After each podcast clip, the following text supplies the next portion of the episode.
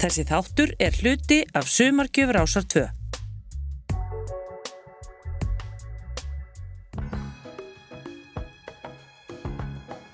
Komiði sæl, ég heiti Skúli Helgarsson og held í dag áfram þar sem frá var horfið á sunnudagin var að kynna fyrir ykkur nokkra meistara sóltónisterinnar.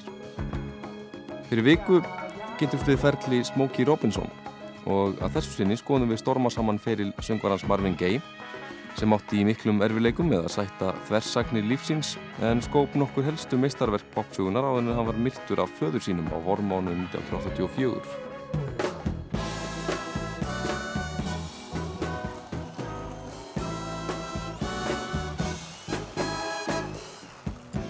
Marvin Pence Gay Jr. fættist í Washington D.C., höfuborg bandaríkjana, annan april 1939. Fadur hans var prestur þar í borg og hvatti síni sína til að syngja gospeltónlist, það er að segja trúarlega lög, og Marvin var farin að syngja í kirkju föður síns 5 ára gammal. Læri þar fljóðlega á kirkjuorgelið, auk þess sem önnur hljófari leku í höndum pilsins á unglingsárunum, svo sem piano, gítar og trommur.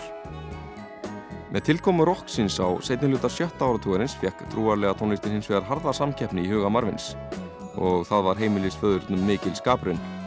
Bróðir Marvins, Frankie Gay. My father being a minister taught us all that a minister would teach his children at that time and uh, Marvin embarked on a career that uh, was kind of looked on by the church as not gospel music.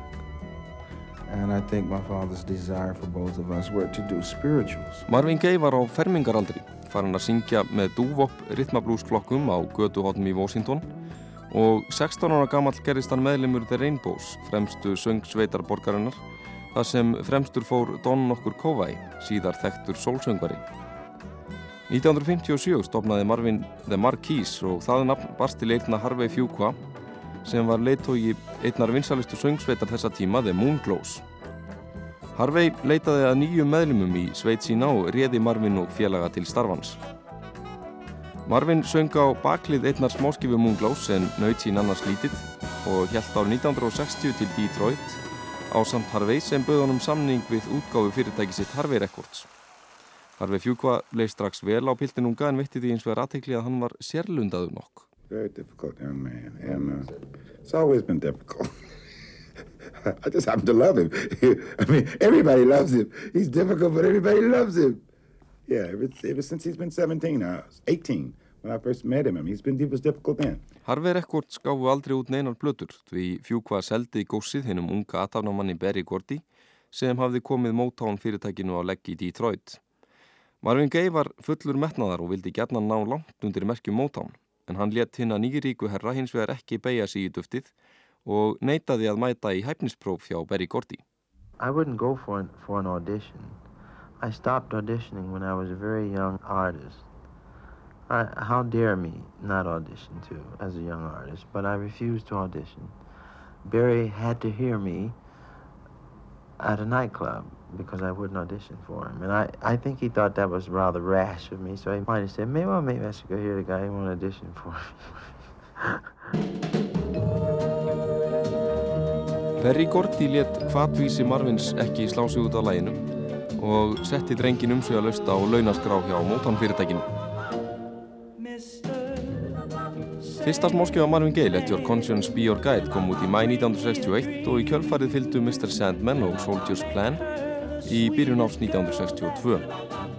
Þessi lög vöktu litla eftirdækt en hinn fjölhæði Marvin Gaye komst hins vegar baktir að meginin á vinsataristan í bandaríkanum sem trimbill í nokkrum lögum hjá Smokey Robinson og hljómsdynni Miracles.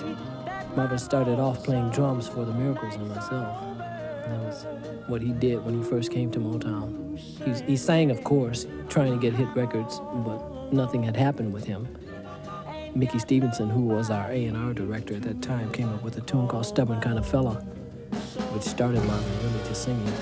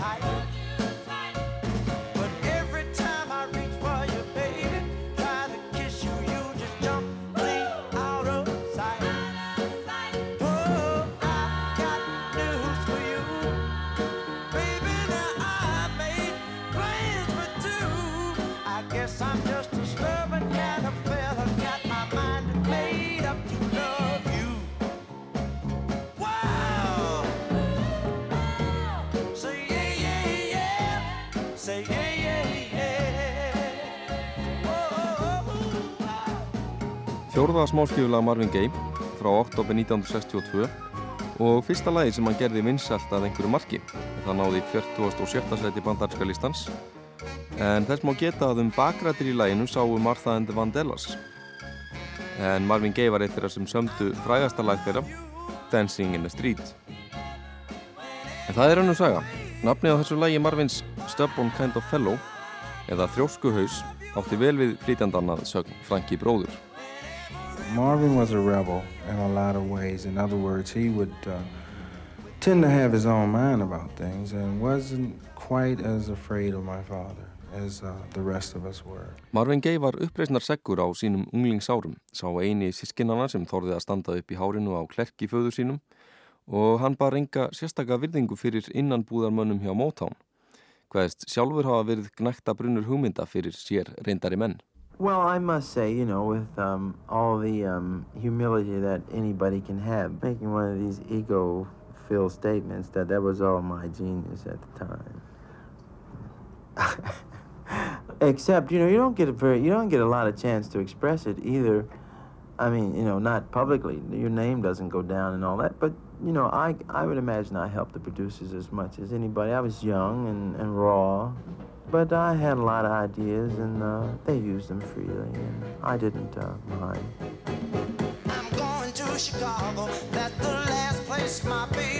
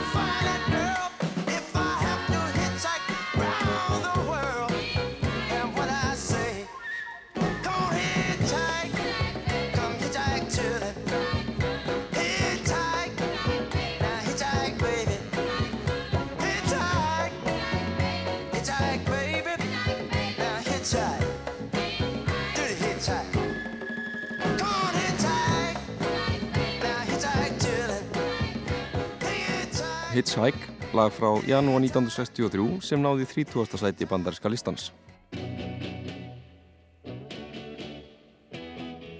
Hinn ráu, hressilegu rithmablúslögu Marvin Gaye heitluðu þó ekki bara bandaríkjamenn því tónlist hans hafði mikil áhrif á rithmablúsveitir Breitlands sem spruttu upp eins og gorkúlur á þessum tíma þeirra meðal Rolling Stones sem hljóðutuði mitt Hitchhike og lagi Can I Get a Witness á sínum uppáfs árum.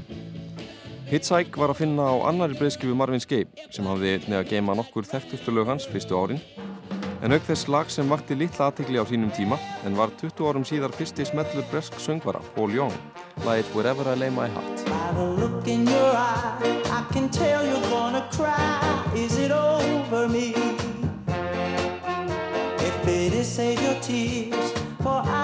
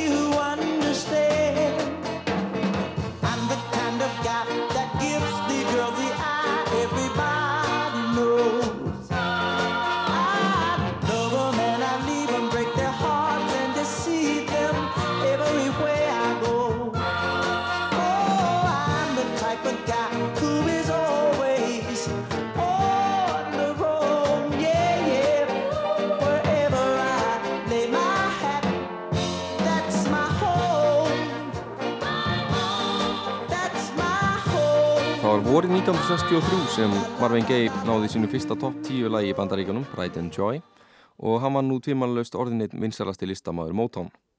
Marvin Gaye lendi hins vegar fljótlega í útistöðum við upptökustjóra og ráðgjafa fyrirtækisins sem til dæmis flögguðu þeirri kenningu að Sál söngvarans kemi fyrst í ljós þegar háa síðinu væri náð. Þegar söngurunum láfið yfirliði af áreinslu voru þessir menn fyrst ánæðir. Marvin Gaye var hins vegar ósamála þessum aðferðum og hefur ímislegt við söng sinn fyrstu árin að aðtuga. It was very difficult to control my voice like they wanted me to because they cut the songs very high and I would get very angry at them for cutting it very high but they say they would always say that had they not cut them that high that uh, they wouldn't have sold like they did because when you sang very high at the point where you are about to gag or you're about to kill yourself or have a stroke or something, and that's how we used to record. I used to look at um, at Levi Stubbs, the Four Tops, in the studio. Sometimes, man, I went, his veins were popping out, his neck muscles were about to. They had to stop the tape and spray his throat and call in the respiratory unit. Hold it, man, hold it. and I would do the same thing. You know, I said, "Oh my God, I can't sing this song, man. Please, please, do something." But we'd had to finally get through with it. We'd be killing us. If you listen to some of those old records, you'll know what I mean. I'm singing, uh, you know, it was rough. But it's old records.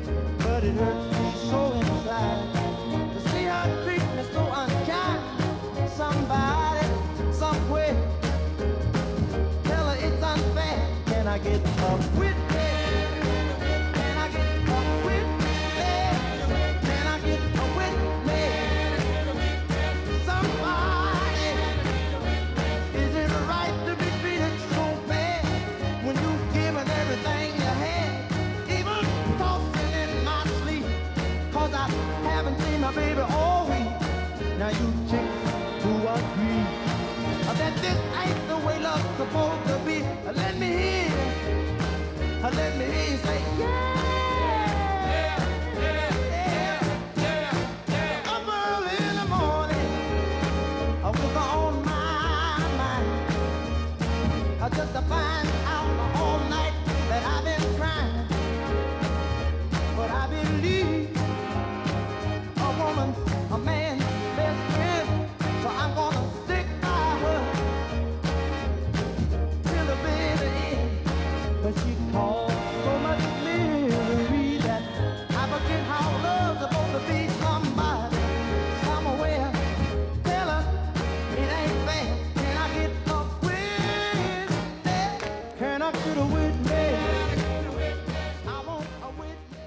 I didn't think I sang very well in those years. Of course, I was pure, pure because I, I was younger. And you could probably sense that there was something happening with Marvin Gaye's voice because every now and then a little purity would come through and say, well, that wasn't bad. The kid has a chance. You are so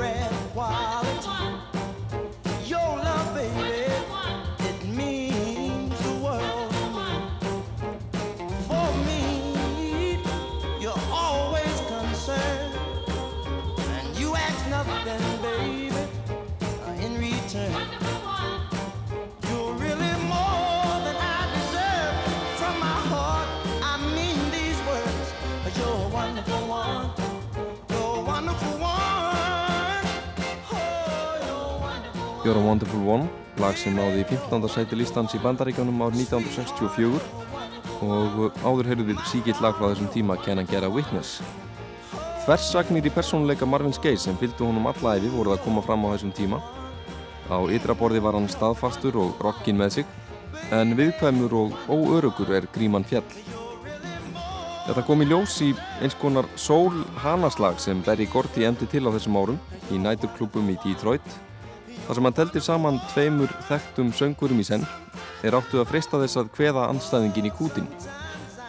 Í einum slíkum slag mætti Marvin Gaye blinda undrabarninu Stevie Wonder. The last show we had there was when I had Marvin Gaye versus Stevie Wonder. And uh, Marvin Gaye worked hard and he he went out and bought him a harmonica that you could play piano because he wanted to surprise Stevie because Stevie had his harmonica. And when Marvin came out, he got a great ovation. And when he pulled out his harmonica, it was just great. And uh, Stevie came out, and he was just sensational. But Stevie was blind, and he had his dark glasses, and he was just a little tiny kid. And uh, the people just, oh, isn't he cute? Isn't he beautiful? And he was just playing with little bongos and his harmonica. And then he went off. And when Marvin came back on again, they all booed Marvin they booed him. Oh, you, you know, you, here's this big guy coming out, this little kid. And it was just so sad to me. And Marvin, you know, I could see tears in his eyes. And then I realized, and it was vicious and hissing him, and Marvin was so crushed at that. Marvin Gaye hafði lagt hart að sér í þessu einví og tók það mjög næri sér að áhórundur sendu honum langt nef en opnuðu armin hins vegar mótinn um barnunga Stevie Wonder. Þráttur í sívaksandi vinsældir var sjöundi áratúðurinn að mörgu leiti tími tókstreitu og þjáningar fyrir Marvin Gaye. Motown var um miðjan áratúin orðin volduasta samsteipa í eigu blökkumanna í gerföllum bandaríkjónum og verðluna kokteil fyrirtækisins, Rhythma Blues með pop ífavi, var svo reglíf sem allir listamenn fyrirtækisins urðu að standa undir, hvort sem þeim þótti það ljúft eða leitt. Marvin Gaye þótti það skýtt en let sig hafa það ennum sinn. During those years, and I don't view them uh, with a lot of happiness, you know, because there was a lot of pain. There was a lot of pain. Being young and not knowing the business a great deal, trying to figure things out. Ooh, baby,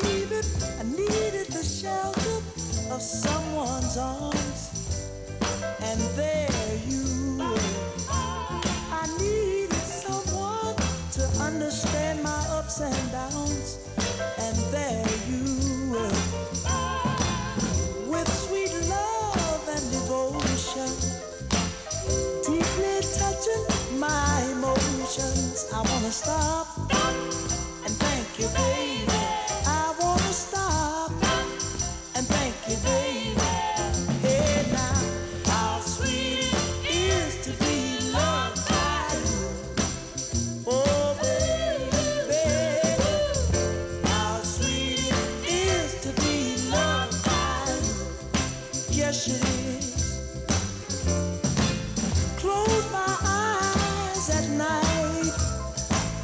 And wonder what would I be without you in my life. Everything was just a bore. All the things I did seems I've done them before. But you brighten up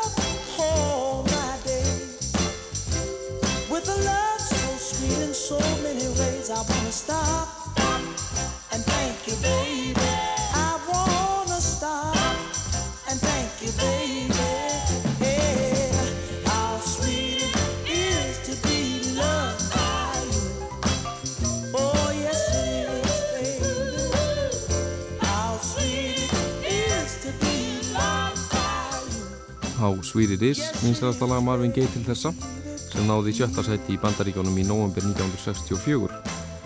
Allt virtist á upplið, en Marvin átti hins vegar í tilvistar kreppu, skorti sjálfströst til að semja lög er stæðu samanburð við verktræningarinnar Holland Ósir Holland, en þeir sömdu á þessum tíma mörg frægustu lög Motown og voru þau hvers vinsalustu upptökustjórar fyrirtækisins. Það var Smokey Robinson sem kom Marvin til hjálpar, taldi í hann kjark og ljáði honum öndvegi slaga smíðarir, nutu vinsalda, I'll be doggone og Ain't That Peculiar. Smokey saved me during a time when I was non-productive and not even thinking about producing or not even giving producing myself a second thought, although I was writing. But I didn't have a great deal of confidence in my pen. At the time because the giants were around Holland Dozier and Whitfield and Smokey. So it was difficult for me to have a lot of confidence in my own pen. And um, Smokey saved me during a period that I needed some records, you know, he saved me. Honey,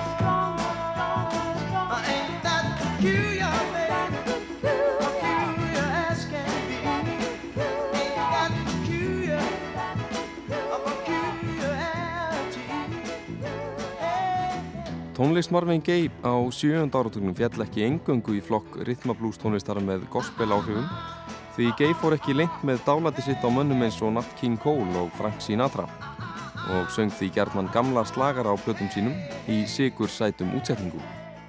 Hann leik einnig hlutverkins romantíska elskuga í fjölmörgum duettum þar sem mótleikarar voru söngunnar Mary Wells, Kim Weston og Tammy Terrell og sumir þessara duetta voru meðal hans vinsæðustu laga frá þessum tíma. Marvin Gaye var hins vegar ekki alltaf ánaður með valið á þessum samleikurum sínum og snýrist öndverður gegn öllum afdráttalösum skipunum frá útgefendum sínum. It just depends on how people treat you, that's all. You know, I'm not unreasonable. Man comes to me and says, I got a way, I, I wish you would do it this way, I'll do it, you know.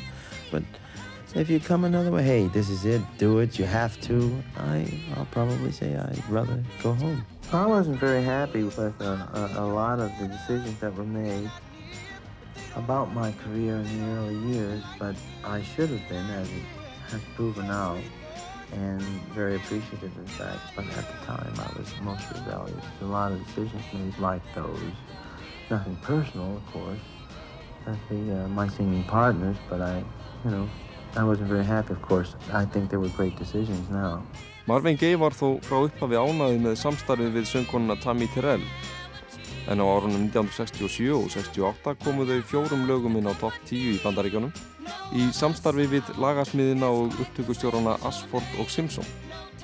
With Tammy, I wanted to do it, you know, because there was a new team that was brought in, Ashford and Simpson, and I, I liked Tammy. She was pretty, and she was nice, and she was soft and warm and sweet and misunderstood. And I enjoyed working with her. And that couple with Ashford and Simpson made the project an enjoyable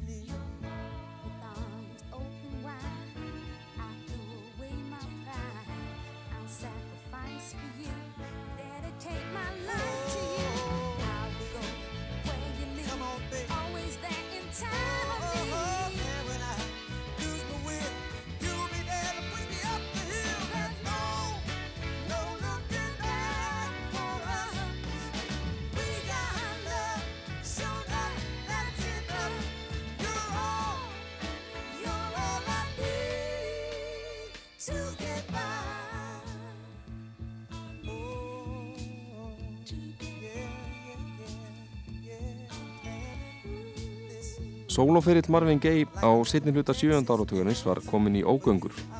Þegar lagasmiðurinn Norman Whitfield kom til Marvins með lag sem hann sagði öruglega myndi hæfa honum. Marvin hljóðritaði lagið en Berry Gordy vildi eins og er ekki gefa það út, hvort sem var, það var til að ná sér niður á hinnum ódæla söngvara eða ekki. Whitfield fór því með lagi til söngkonunar Gladys Knight sem gerði þetta lag vinsætt í oktober 1967 og nafnlagsins I Heard It Through the Grapevine. Very candid because he didn't have a lot of faith in it. Or for whatever reason, because he had the power to can it. You know, maybe I was acting uh, ridiculous at the time. He said, well, you know, I don't have to put the record on the guy. You know, he's ridiculous. So, he's, you know, the hell with it. Uh, which happened a few times, you know. And, you know, eh, I would do the same thing if somebody was giving me a lot of trouble. And I must say, I've given him some problems. So, as a result of it being on the can, Norman knew he had a good song, so he cut it on Gladys and he put it out.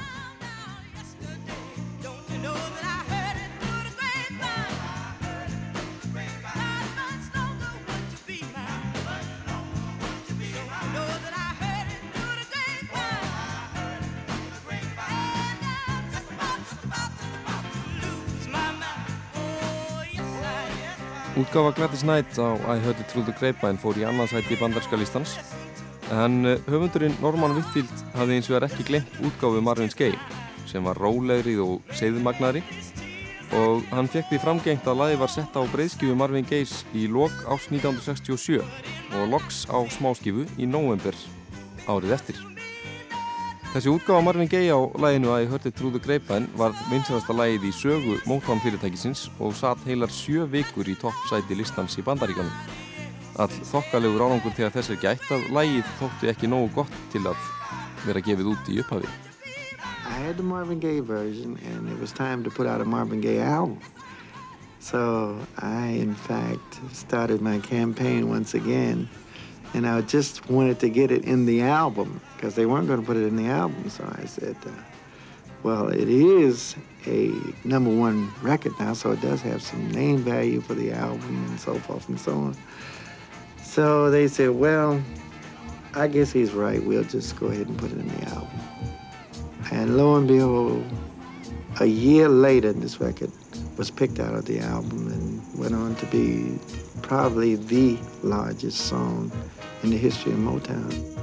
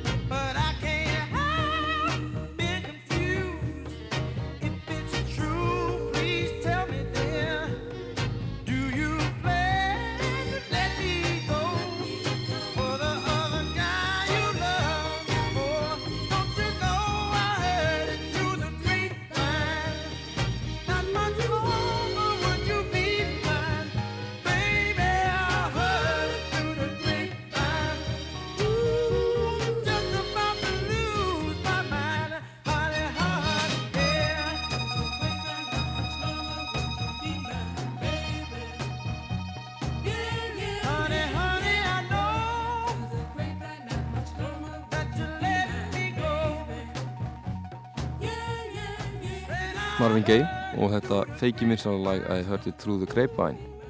Þess maður geta til gamans að í nýri bók eftir bandarískan popfræðing, þar sem hann byrtir lista yfir þúsund merkustu smáskifur allra tíma, er einmitt þetta lag á toppnum og eru það ekki lítil meðmæli.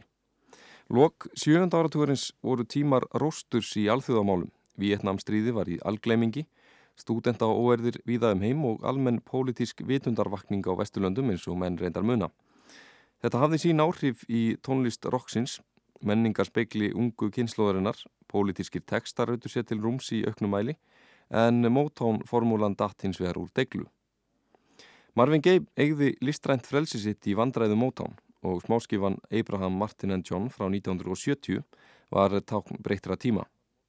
Þetta lag Dick Hollers var samið í kjölfar morsins á Robert Kennedy og einlæg tólkun Marvins markaði upphaf merkasta skeiðis hans þar sem sín listamaðsins varð æg samfélagsleiri. I do know that while I was recording it, it was late at night and there was nobody in the studio but Whitfield and myself and the engineer. And I remember the lights were very strangely lit that night. And um, I felt very sincere when I recorded that song, Abraham Martin and John.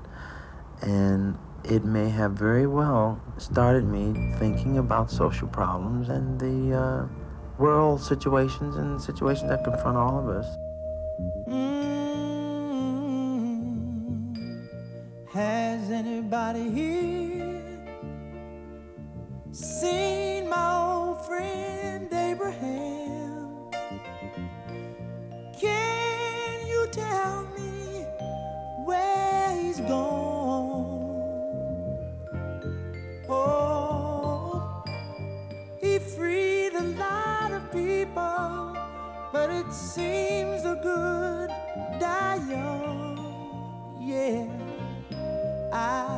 just looked around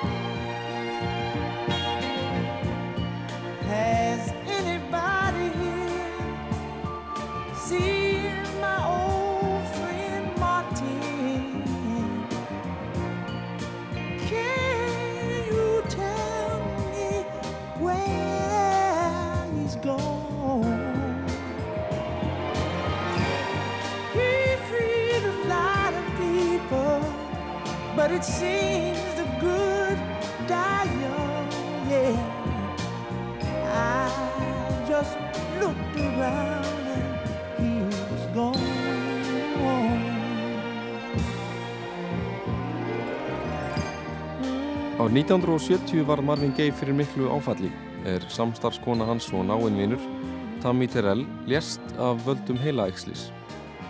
Fráfallennar fekk mjög á Marvin sem dróð sig í hlið, hætti ljómleikahaldi og hjælt sig utan sviðsljósins í hálft annað ár. Hann sneri eins vegar aftur í oktober 1971 með eitt mesta mistaraverk popsugunar, breyðskjöfuna What's Going On. Þar sem Marvin Gaye fjallaði um ímis þjóðfélagsleg vandamál sem stóðu honum næri, svo sem Vietnamstríðið, kúun blökkumanna, siðspilta stórborgarmenningu og svo framvegis. Bóðskapurinn var hnitmiðaður og augrandi en framsetning verksins hins vegar templuð og fínleg til þess fallin að vekja hlustandan til umhugsunar um viðfangsefnið fremur en þraungvæði upp á hann. The war. My brother was in the war at the time. And the world problems and conditions. But I wanted to write an album that could be translated into any language and it would still hold its meaning and not be particularly um, an ethnic statement, you know, that other nations or people couldn't get into and that sort of thing. Well, it took a little time to think about that philosophically, because I was much more incensed, and I wanted to write stinging things and do music that would really make people say, wow, he's after us, and maybe incense them also. But something wouldn't let me do that. It was a very divine project, and God guided me all the way. Mother, mother, there's too many of you crying. Brother, brother, brother, there's far too many of you dying.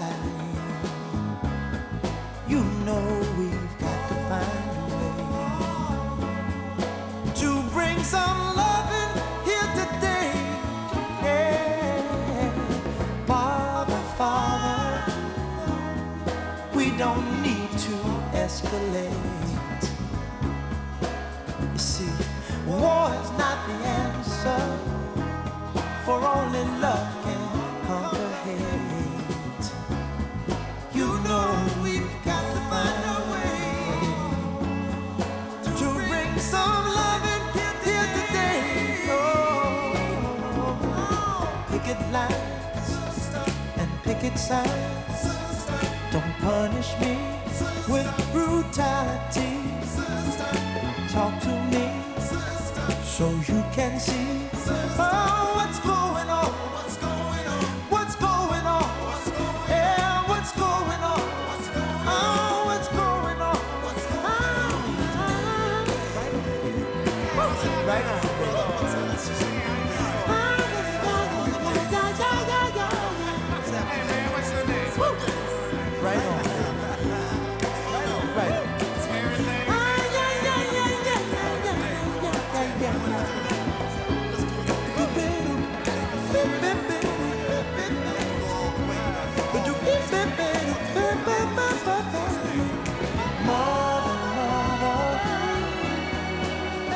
Everybody thinks we're at home. Oh, but who are they to judge us? Simply cause our hair is long. Oh, you know we've got to find. Bring some understanding here today. Oh, oh, oh. picket line and. Don't punish me with brutality. Come on, talk to me you can see what's going on. Yeah, what's going on? Tell me what's going on. I'll tell you what's going on. Titillag What's Going On, lag sem fór í annarsæti bandarska listans, en alls náðu þrjú lög flötunar sæti á topp 10 þar í landi. Gaggrinendur gáfu þessu verki hæstu engun og þýðing þess hefur mönnum raunar ekki orðið ljós fyrir ná þessum áratug sem sést ágætlega á því að þegar bladamenn enska popbritsins New Musical Express gerðu lista árið 1985 yfir bestu breyðskifur rocksögunar þá hrefti What's Going On toppsætið og var númer fjögur í alþjóðlegum lista sem gerður var árið 1987. En líkt á með að hörði trúðu greipæn voru útgefendur ekki sannfærður um ágæti plötunar í upphafi eða hvort hún ætti yfir höfuð erindi á markaðinn. Platan var vissulega óvennileg en orðspor Marvin Gaye sem listamanns varð yfir sterkara hræðslunni við íhaldsemi hlustenda.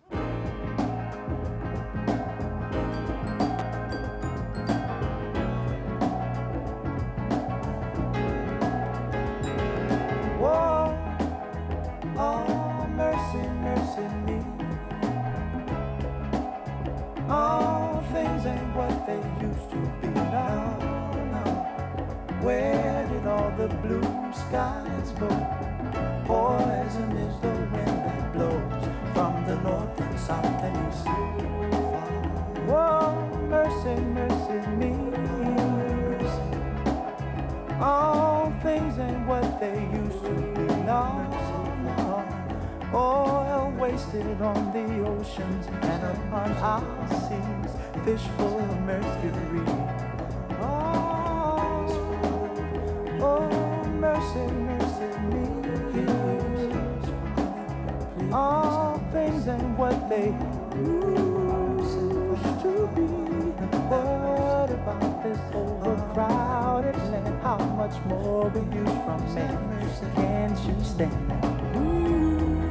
There was not the total confidence in it that most record companies have when they release a project on a, an artist. Because it was different and uh, innovative and they felt like they were taking a chance but Barry having an idea that I had something everybody always tells me you know all my life they tell me you have something special what they feel is that someday somehow some way I am supposed to do something that is supposed to affect everybody's lives and um, viewing me in that manner, Barry probably felt that um, whatever I did, um, he would take a chance with it. I used to have spiritual battles with him. I said, well, God will take care of it, trust me, you know, uh, and that sort of thing. So he'd look at me a while, he said, well, put it out.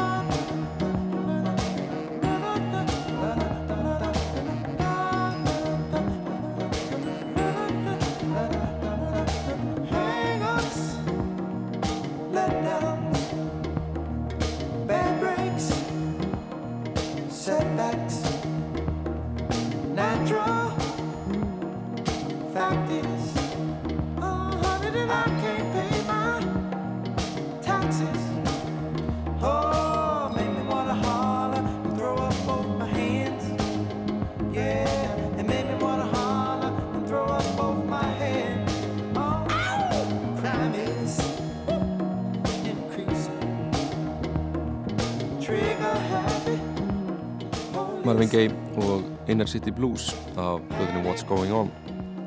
Þjóðfélagsleg sín Marvin Gaye á þessari blötu hafði mikil áhrif á aðra sóltónistamenn. Þeirra á meðal stjórnur á borðu Stevie Wonder sem merkilegt nokk kallar blötunar reyndar eftir einu laga hennar The Ecology eða Vistkerfið sem gefur mönnum kannski ágæta hugmyndum um umfang verksins. The first person I feel that really did it was Marvin Gaye with the Ecology album. He was the first one that really hooked it up. We had songs that did relate to different social feelings, but to actually come out and really get into it heavily was Marvin, I think. Frá og með What's Going On fylgdi Marvin Gaye einungis eigin samfæningu í sinni listsköpun, efnisvali og framsetningu. Hann stjórnaði sjálfur upptökum á sínum verkum og bóðaði gaggrína hugsun í kvívetna. Menn skildu ekki gleipa fréttir fjölmiðla hráar, ekki trúa þjóðarleitóum sínum orðalaust, heldur reynað að skilja gangvirki þjóðfélagsins upp á eigin spýtur. Truth, man. Truth. Don't be blinded, you know. Don't believe everything you read. Don't believe it just because it's in the papers, you know. If somebody says it, that don't have to be it, man, you know. Really think. Use your heads, you know.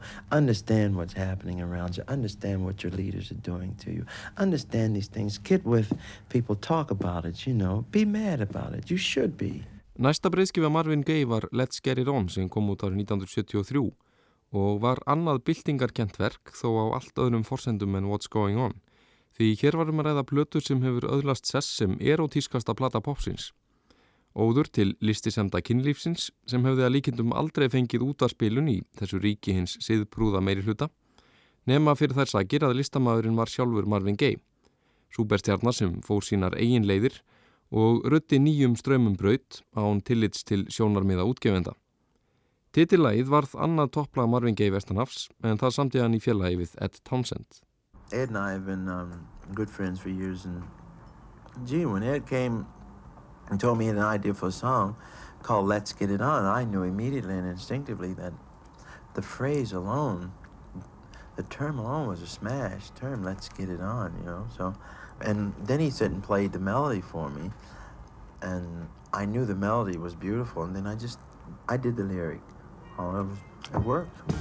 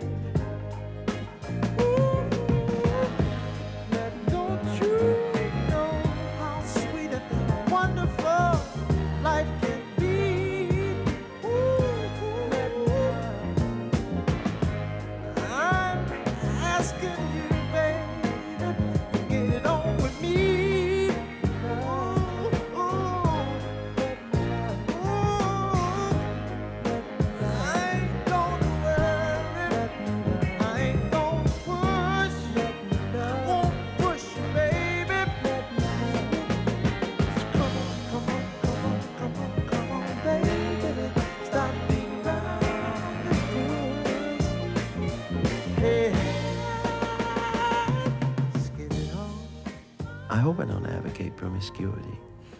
I try to, to think that my records are honest and that what I sing about should be dealt with in honesty and not total promiscuity and and uh, amuckness. but uh, I don't have any restrictions. I don't have any boundaries. I can't be dictated to. I can't be told what kind of music to release. I have to release what kind of music my soul tells me to release.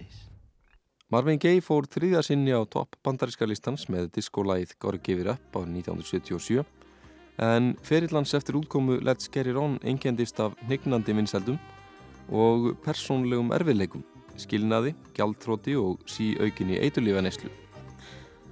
Plötur hans Hear My Dear frá 1979 og In Our Lifetime frá 81 það var margt til brunns að bera en þær fengu slæmarviðtökur og eftir útkomu þeirra síðanemdu sagði Marvin Gaye alveg skilið við Motown fyrirtækið og gerði samning við CBS. Laus úr fjárkrökkum ákvað Marvin að skipta um umhverfi og setti stað í Brussel í Belgíu þar sem hann hóf gerð næstu plötur sínar. Þar fekk hann til liðs við sig mannin sem hafði uppgötaðan rúmum 20 árum áður, Harvey Fuqua. Marvin Gaye called me and said, hey, look, man, I'm in Belgium doing this album, having problems. Would you come over, man?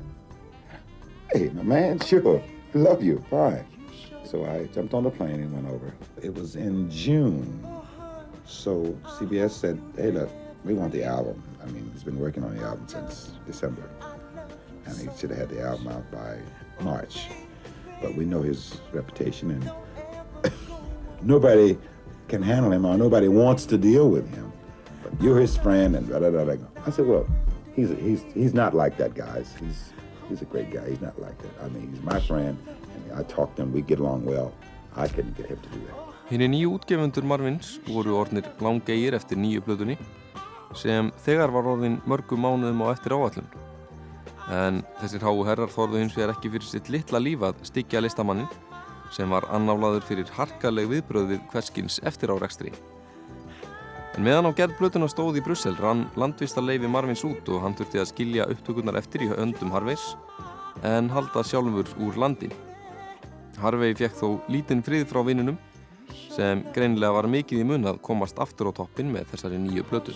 So it got to be a hassle because he was calling me every every night. I'm in the studio saying, "Oh, hey, you know the third beat on the fourth bar uh, on track 46. Uh, I put a bell cling in there, a Turkish bell on it. Put that, make that." So I got sick of being on the phone with him for four hours every night. So I just got bugged and said, "Hey, hold it. I'm gonna mix it. I'll see you later. You'll hear it. If you don't like it, then fine." He said, "Man, I mean, it's, and it's too critical, man. I mean, this is my album coming back, and I mean, and it just doesn't sound right." And, and I said, "Okay, fine."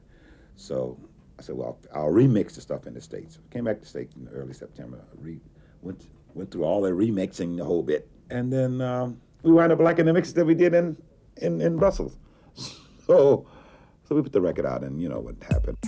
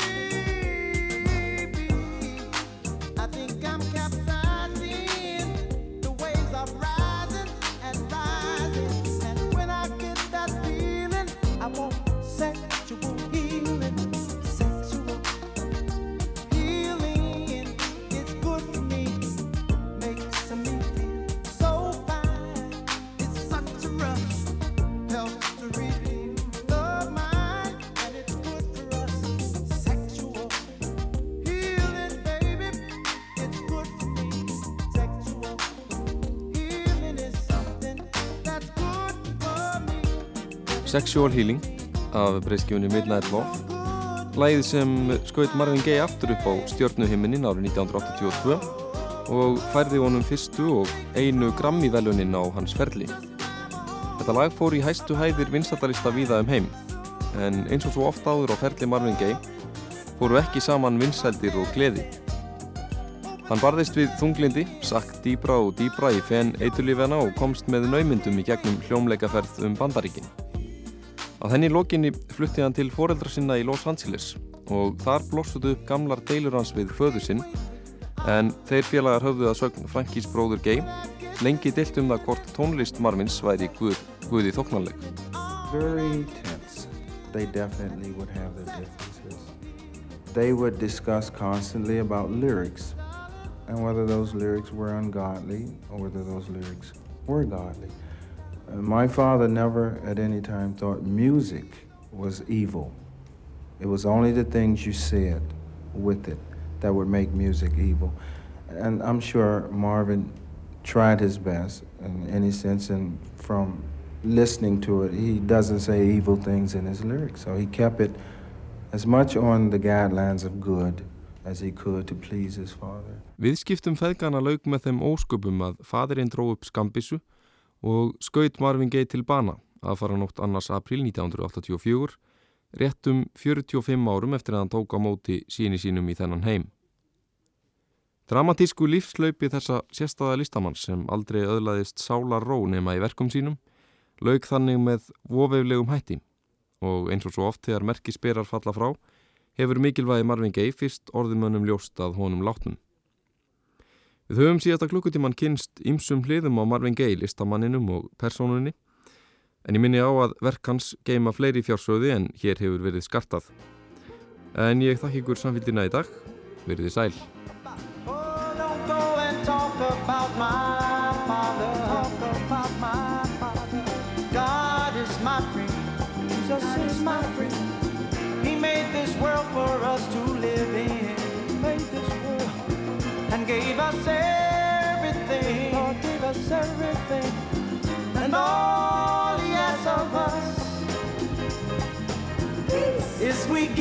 Each other love. Oh yeah. Don't go and talk about my father. No, no, no. Cause God is my friend. Jesus is my friend. He loves us whether or not we know oh, it. And he'll forgive all our sins. Forgive our oh, sins. Oh yeah. And all